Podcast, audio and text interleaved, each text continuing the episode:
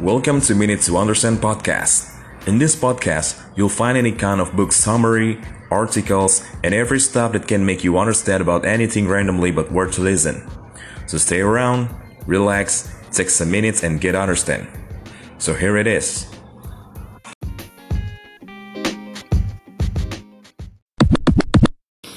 Trillion Dollar Coach will help you become a better leader in the office by sharing the life and teachings of businessman Bill Campbell who helped build multi-billion dollar companies in Silicon Valley.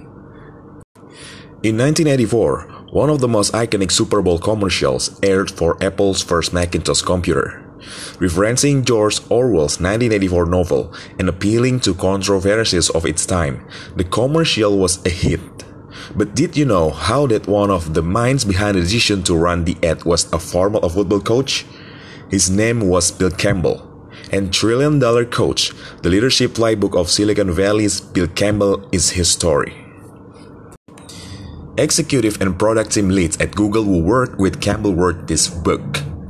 It comes from over 80 interviews with the many others that he influenced before his death in 2016. After Campbell's first football coaching job was a failure, he chose to enter the business world. After working at Kodak, Apple, and others, he turned to coaching this behemoth company that we all know today. Coach Campbell had a big impact on some of their early decisions. Many of these were choices that helped them progress to become trillion dollar companies. Here are three of the most significant lessons from this one. Number one, showing your emotion at work is a great way to help people feel more comfortable to open up and share their true personality and potential. Number two, diversity of opinions, especially those who don't contribute as much, is crucial to business success. Number three, the greatest power in helping others progress is building trust. Let's see what this giant of man has to teach us about leadership. Lesson 1 To improve your employee satisfaction and performance, learn to show the right emotion in the workplace. Bill Campbell was well known for his casualness and friendliness, even in the most formal of settings. From his profanity to giving bear hugs and even blowing kisses to others across the table in meetings, Campbell wasn't afraid to show his personality. After Steve Jobs' cancer diagnosis, for example, Bill was in the hospital to visit him daily. While some may argue that showing emotion at work is a sign of incompetence, it is the mark of an efficient leader. A study by Sigal Barsade and Olivia O'Neill discovered that emotional openness in the workplace improves team performance and employee satisfaction. Fostering this kind of connection between employees also decreases absenteeism among team members. It feels good to be yourself, and science show that when we do so at our jobs, we improve the workplace.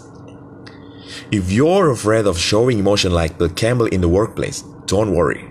You don't need to go that far to reap the rewards of it. Think of more simple ways to show a little personality in the, in the office. Find out what works for you by trial and error and don't give up. It may be as simple as asking people how they are doing, chatting about their personal lives, or being curious about what they're working on. Lesson number two The best ideas may be hiding in the minds of your top talent, so make sure that even the quietest of people has a say in meetings.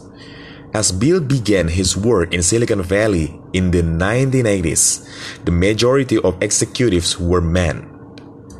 Apple's head of HR in the US, Deb Beyond Biondolillo, was one of the few women in a leadership position at the time.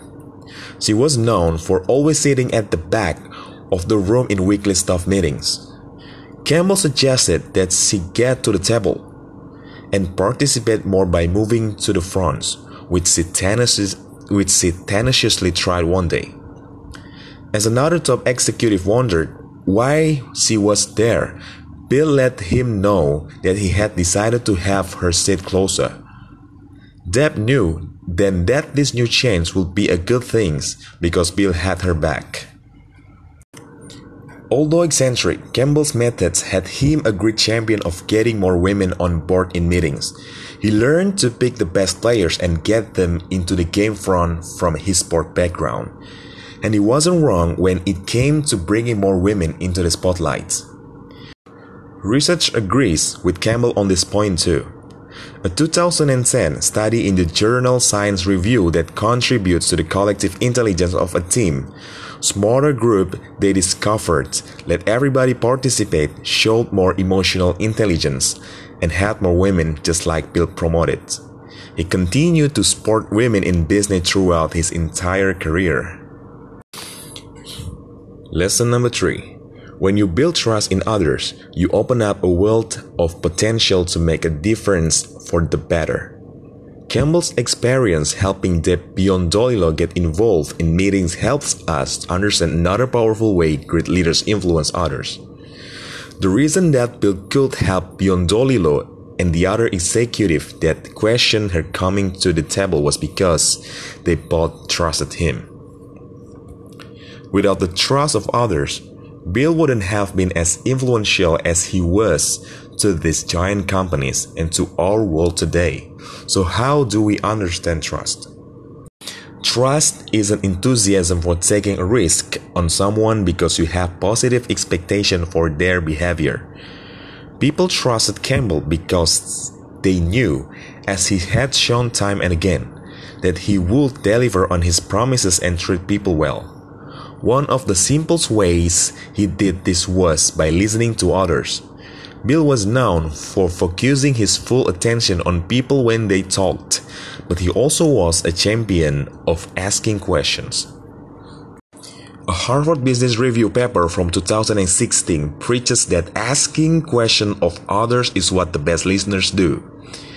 The power of questions is in their ability to provoke spontaneous inspirations.